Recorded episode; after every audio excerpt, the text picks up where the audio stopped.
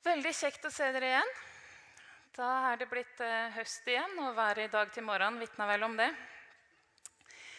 Eh, men denne sommeren så har jeg blitt utfordra av Daniel i Bibelen på å øve meg i tillit til Gud. Historien om Daniel og vennene hans er utrolig fascinerende. Nebukaneser, herskeren i det store babylonske riket, okkuperte og tok hele Jerusalem. Han tok med seg krigsutbytte hjem, både folk og fe og gods og gull. Og av de unge jødiske guttene eh, så plukka han ut noen som ble trent til å gjøre tjeneste på Slottet. Daniel og de tre vennene hans var blant de. Og de var trofaste mot de lover og bud eh, som jødene hadde. Og de søkte visdom hos Gud både for hverdag og for de utfordringene de møtte. Og de nekta alltid å tilbe noen andre enn Gud. Og det havna de i trøbbel for flere ganger. Første gangen så har Nebukadnesar bygd en kjempediger gullstatue som han vil at hele folket i hans land skal bøye seg for. Kongen blir provosert når Daniel og vennene hans ikke møter opp. Eh, og han truer de med å kaste de i ildovnen hvis ikke de adlyder. Og han sier, 'Finnes det da noen Gud som kan berge dere fra min hånd?' Shadrach, Meshach og Abenego, som vennene til Daniel het, svarte kong Nebukadneser.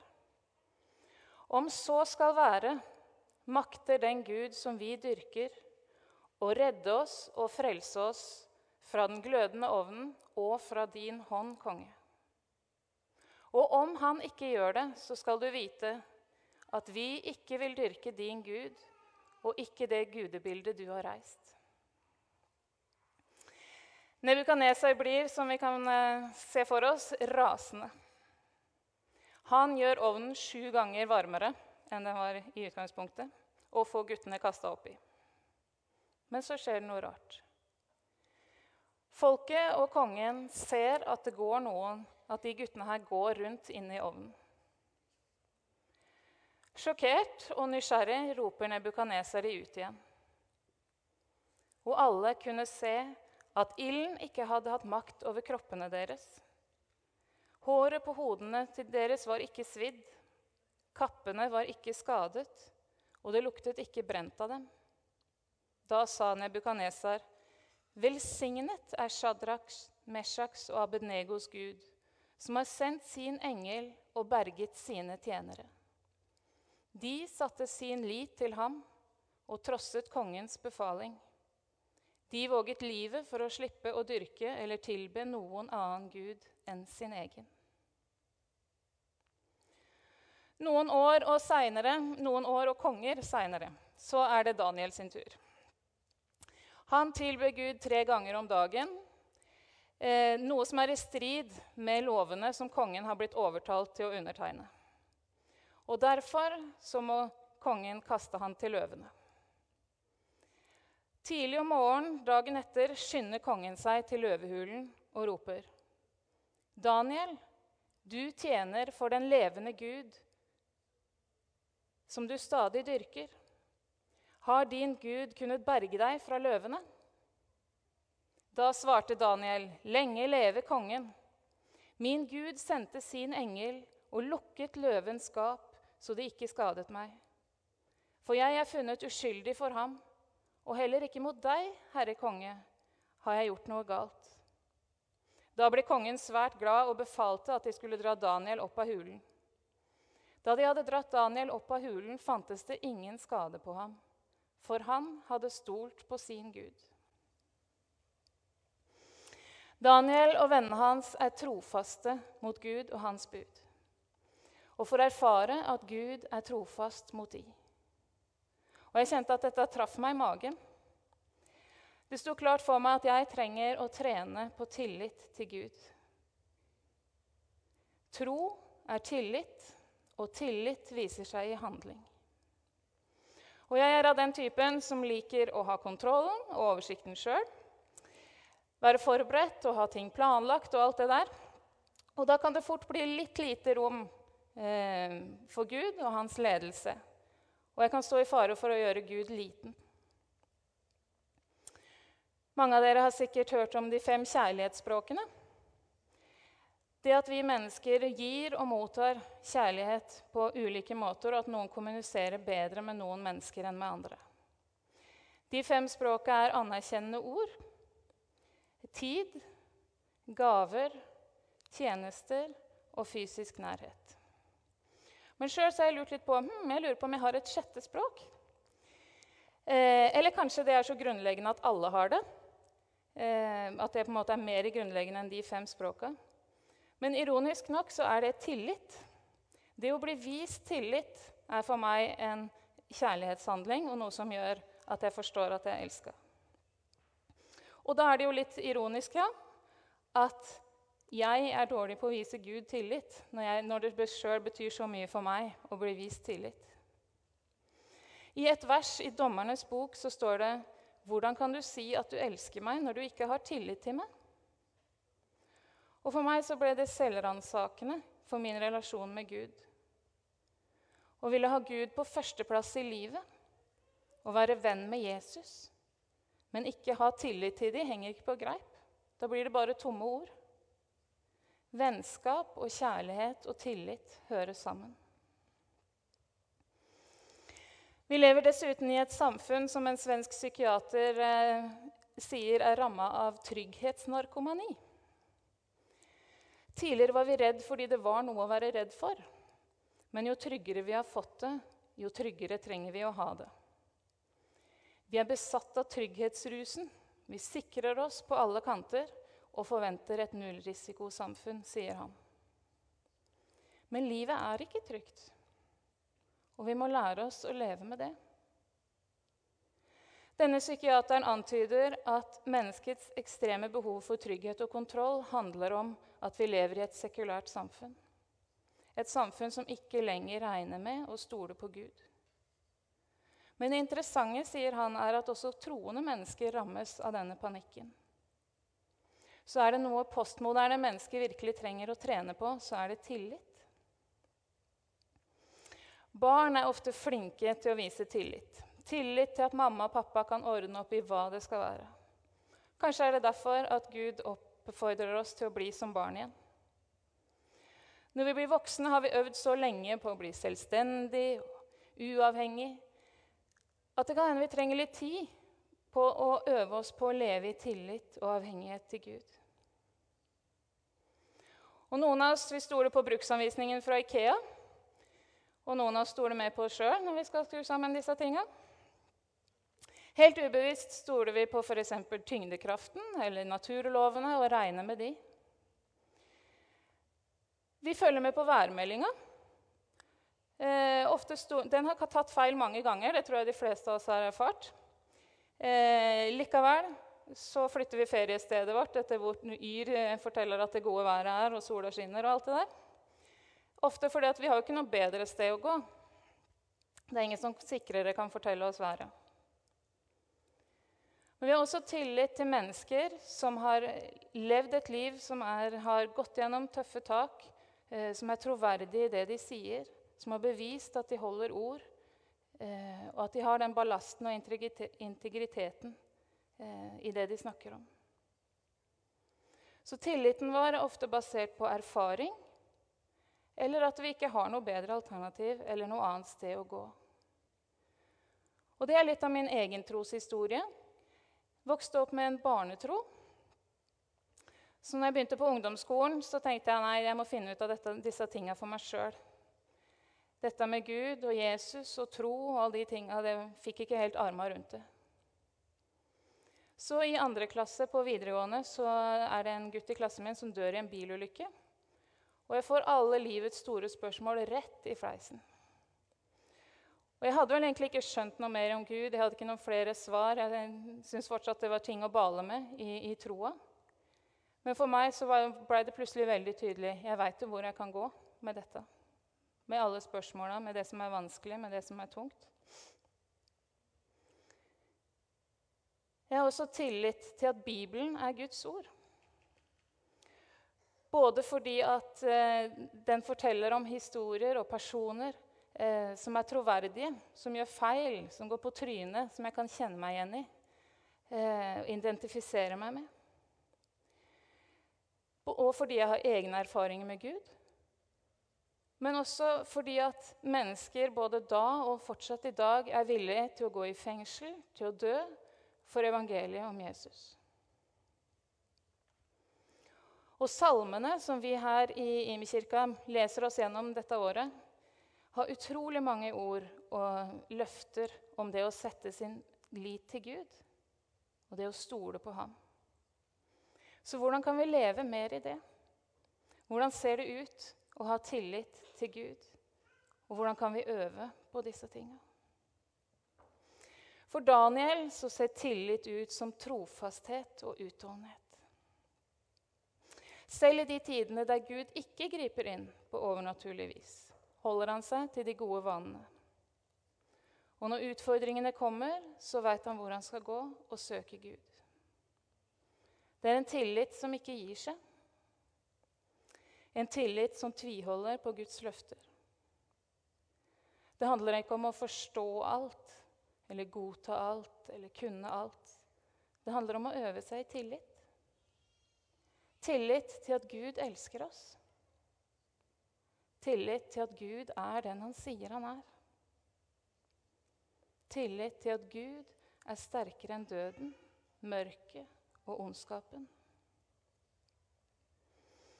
En klok mann har en gang sagt at 'faith is not believe without proof, it's trust without reservation'. Tro er altså ikke tro uten bevis, men det er tillit uten forbehold. Dette har vært litt av det som har liksom beveget seg i mitt liv i sommer. Og så, eh, Forrige uke så starta vi et nytt semester her i IMI, og det gjør vi alltid med å dra på stabsdager. Eh, og Der leste vi teksten om Philip og den etiopiske hoffmannen i apostlenes gjerninger. Og det var plutselig en annen vei som gikk rett inn i dette med tillit. En engel fra Herren talte til Philip og sa.: Gjør deg klar og dra sørover på veien fra Jerusalem til Gaza.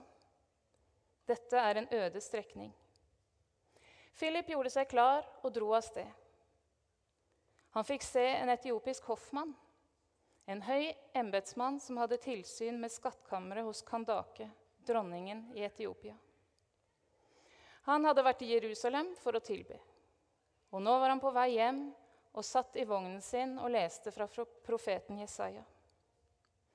Da sa ånden til Philip, 'Gå bort til vognen og hold deg tett opp til den.' Og Philip sprang bort, og da han hørte at han leste fra profeten Jesaja, spurte han, 'Forstår du det du leser?' 'Hvordan skal jeg kunne forstå', sa hoffmannen, 'når ingen forklarer det for meg?' Så ba han Philip komme opp i vognen og sette seg ved siden av ham. Det stykket i Skriften han holdt på å lese, var dette. Lik en sau som føres bort for å slaktes, lik et lam som tier når det klippes, åpnet han ikke sin munn. Da han var fornedret, ble dommen over ham opphevet. Hvem kan fortelle om hans ett, for hans liv er tatt bort fra jorden?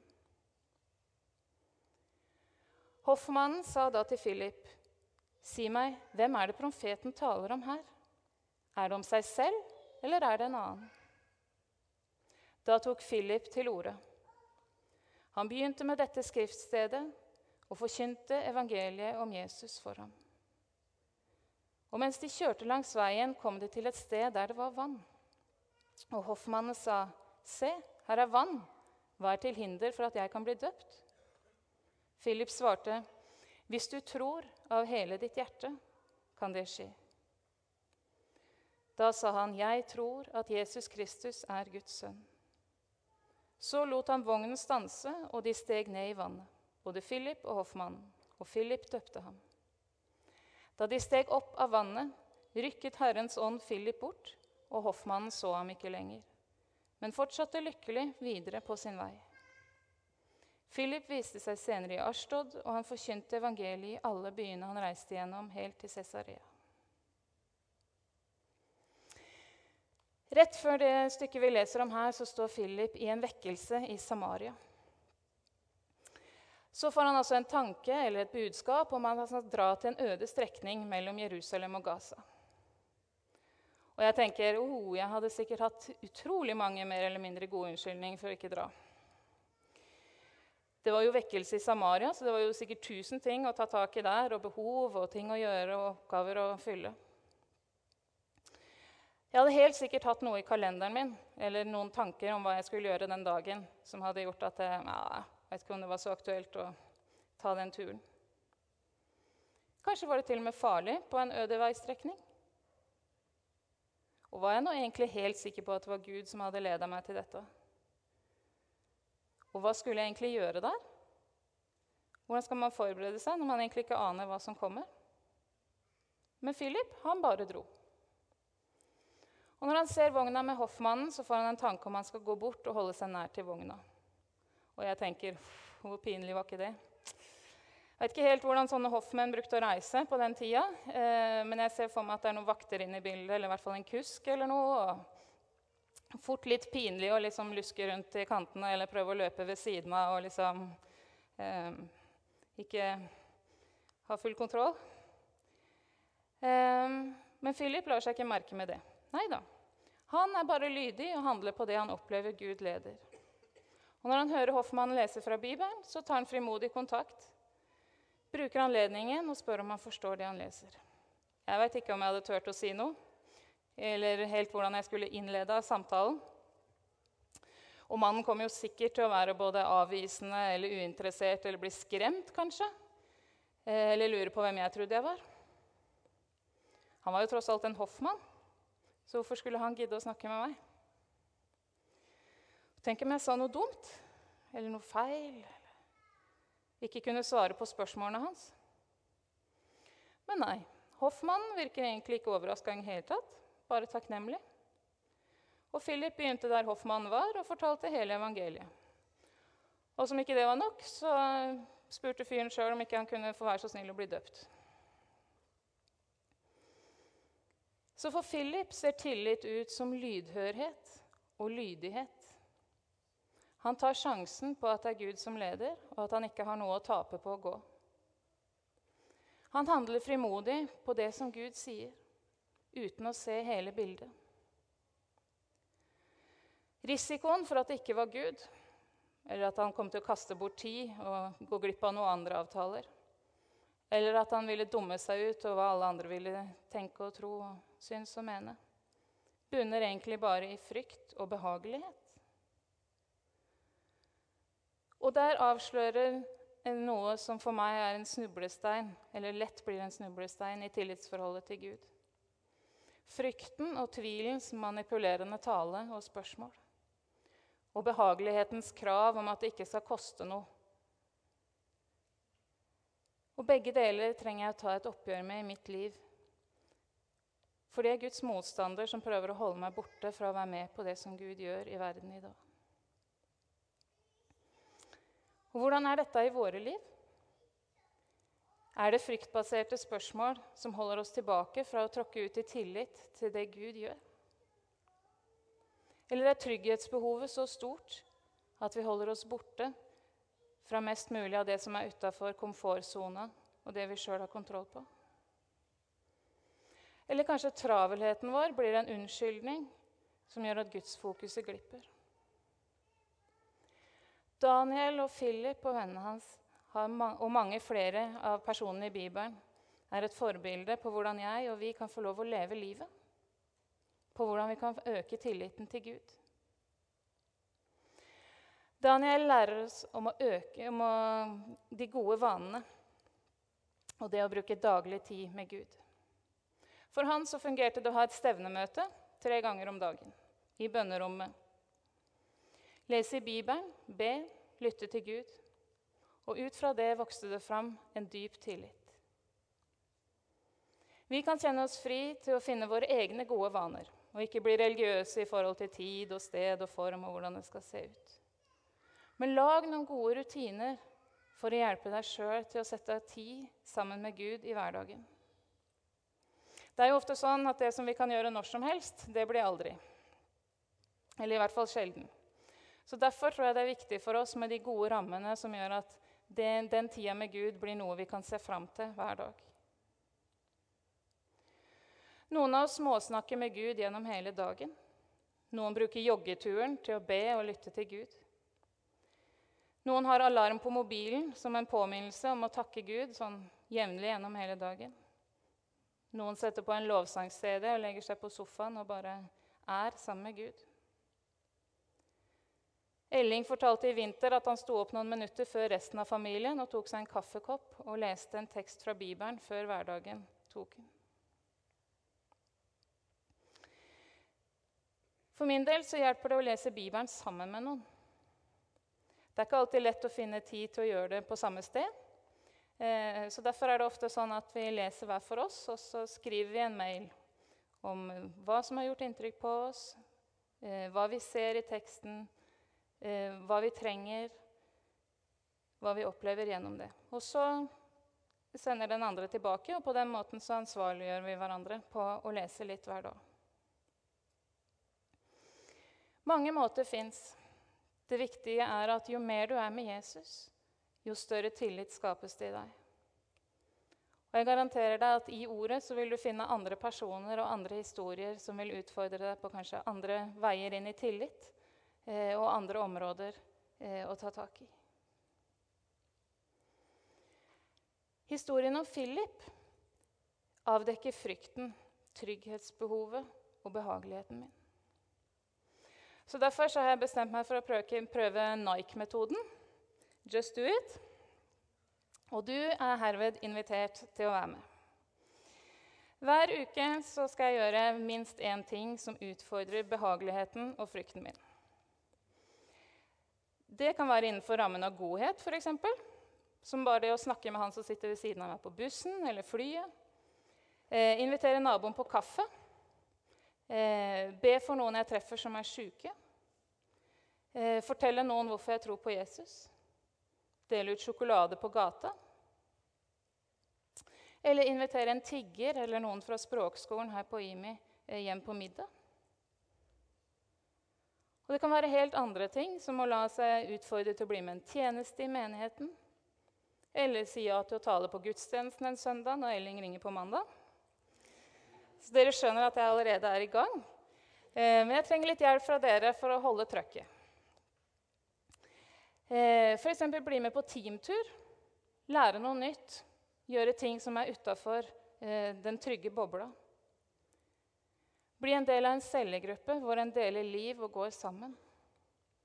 Eller begynne å gi 10% av det en tjener, tilbake til Gud. Sende et bibelvers på SMS til noen du kjenner. Eller lytte til Gud for et ord eh, til noen og dele det. Du er herved utfordra til å være med. Men legg det på et nivå som kjenner at det hjelper deg å ta nye steg i det som du opplever er utfordrende. Eh, du vet best hva som du frykter, hvilke områder du trenger å trene på tillit til Gud. Og jeg setter som mål å gjøre én ting hver uke. For som Martin bruker å si, så ut av det organiserte voksner det spontane. Alle har vi gjort noen sånne steg tidligere. Men la det gå sport i det. La oss gå systematisk til verks for at frykten og behageligheten ikke skal få siste ordet. Og så må du gjerne hoppe i fallskjerm eller ta et isbad eller løpe en maraton eller lignende ting som gjør at vi på en måte senker skuldrene sprenger grenser, inntar nytt land. Eh, mindre selvhøytidelighet og mer avhengighet av Gud. At vi ler mer, og så tar vi rotta på frykten. Og finn gjerne noen å trene sammen med. Hvis dere tar den utfordringa, tror jeg det kan bli en kjempespennende høst her i Imi-kirka. Eh, del gjerne med meg noen av historiene deres. Eh, for da gir vi hverandre ideer og holder og heier på hverandre og feirer. Og oppmuntrer oss til å bryte ut av frykt, behagelighet og trygghetsbobla. Det, men det er vel verdt å feire hvert steg. Ikke tenk lite om det. Ikke tenk at det var ubetydelig, eller 'jeg burde jo ikke vært redd for å gjøre dette'. Eller. For du veit sjøl hva som kosta deg noe. Og da er det verdt å feire. Eh, nå kan jeg få mailadressen min. Send gjerne en mail til hanne.imikirken.no, eller snakk med meg. Så lover jeg deg at hvis du deler en historie med meg, så skal jeg dele en historie med deg. Så hjelper vi hverandre. Men kanskje er du her som sliter med å ha tillit til Gud. At Gud er god, at han ser deg og bryr seg om det. Kanskje har livet fart hardt med det. Kanskje opplever du at Bibelens løfter ikke holdt. Eller at det du forventa en himmelsk far, ikke skjedde. Når livet gjør vondt, eh, og vi ikke klarer å se Guds hånd eller Guds mening, og ikke forstår eller har tusen spørsmål, så er det lett å gi Gud skylda for å ikke være til å stole på. Eller ta skylda sjøl og tenke at det er noe gærent med meg og dermed bevege seg bort fra Gud. Men der, som i andre mellommenneskelige forhold og konfliktsituasjoner, så gjelder det alltid å nærme seg vedkommende selv når det gjør vondt. Vennene til Daniel sa før de ble kasta i ildovnen, at den Gud de trodde på, var mektig nok til å frelse dem fra både ånden og kongen. Men hvis han ikke gjorde det, ville de likevel være trofaste mot ham. Vi som leser Bibelen i dag, vi veit hvordan det gikk. Men det visste ikke Shadrach, Meshach og Abednego når de sa dette. Og det veit ikke vi heller. Vi står midt i livet og veit ikke hvordan det ser ut eh, når vi kommer ut av tunnelen eller ørkenen eller på andre sida av neste blad.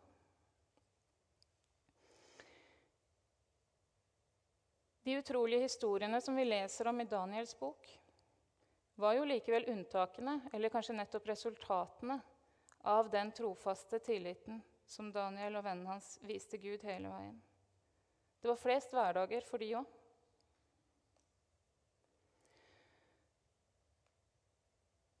Martin fortalte forrige søndag litt av sin troshistorie. Om det å vokse opp uten en far. Om at han 40 år etterpå ropte til Gud om hvorfor Gud ikke var der og hvorfor han hadde vært aleine i den situasjonen. Og så opplever han at Gud svarer med at han alltid har vært der, og at Gud vil være far til Martin.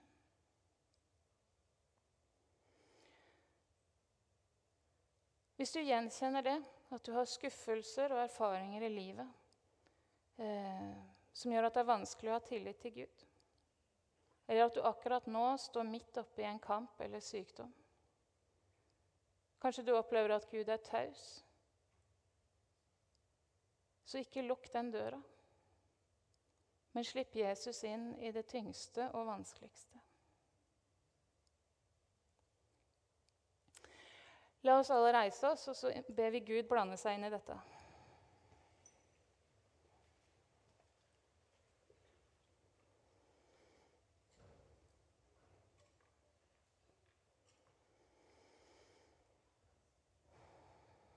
Kjære far.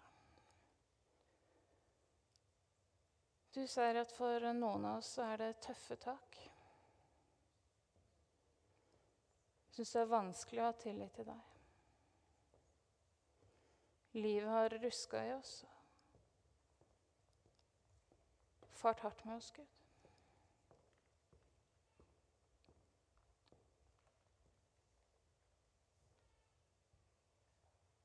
For mange av oss så lengter vi etter mer av deg. Mer av tillit til deg.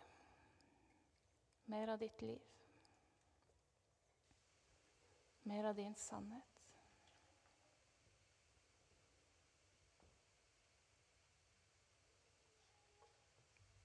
Hjelp oss å trå ut i tillit til deg og få nye erfaringer, Gud få lov å være med på det som du gjør. Kom til oss nå med din Hellige Ånd. Tal til oss, Gud, om eh, hvem du er og vil være i våre liv.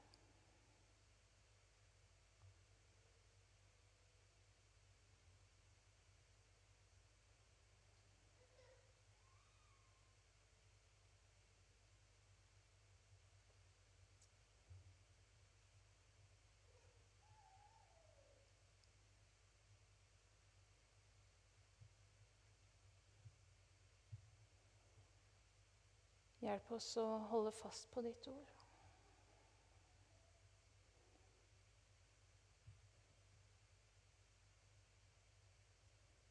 Også når omstendighetene er tøffe.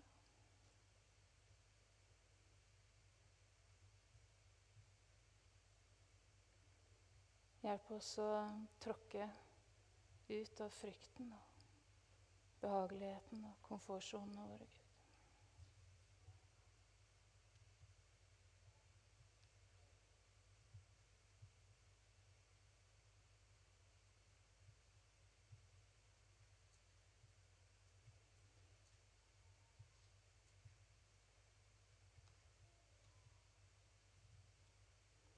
Gud. Skap i oss en ny tillit til deg.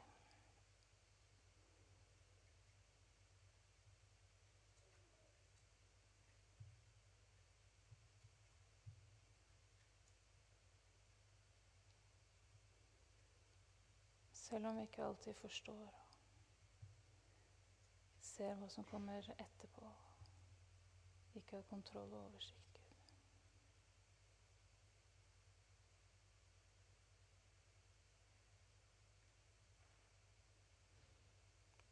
Grip inn i våre liv.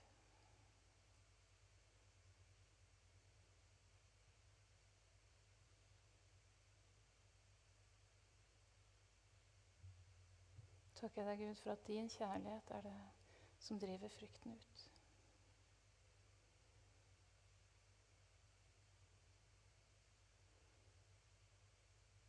Du skal få lov å trene på og ha tillit til deg.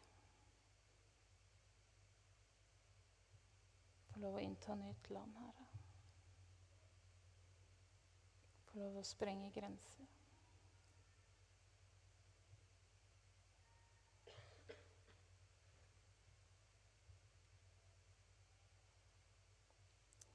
Amen.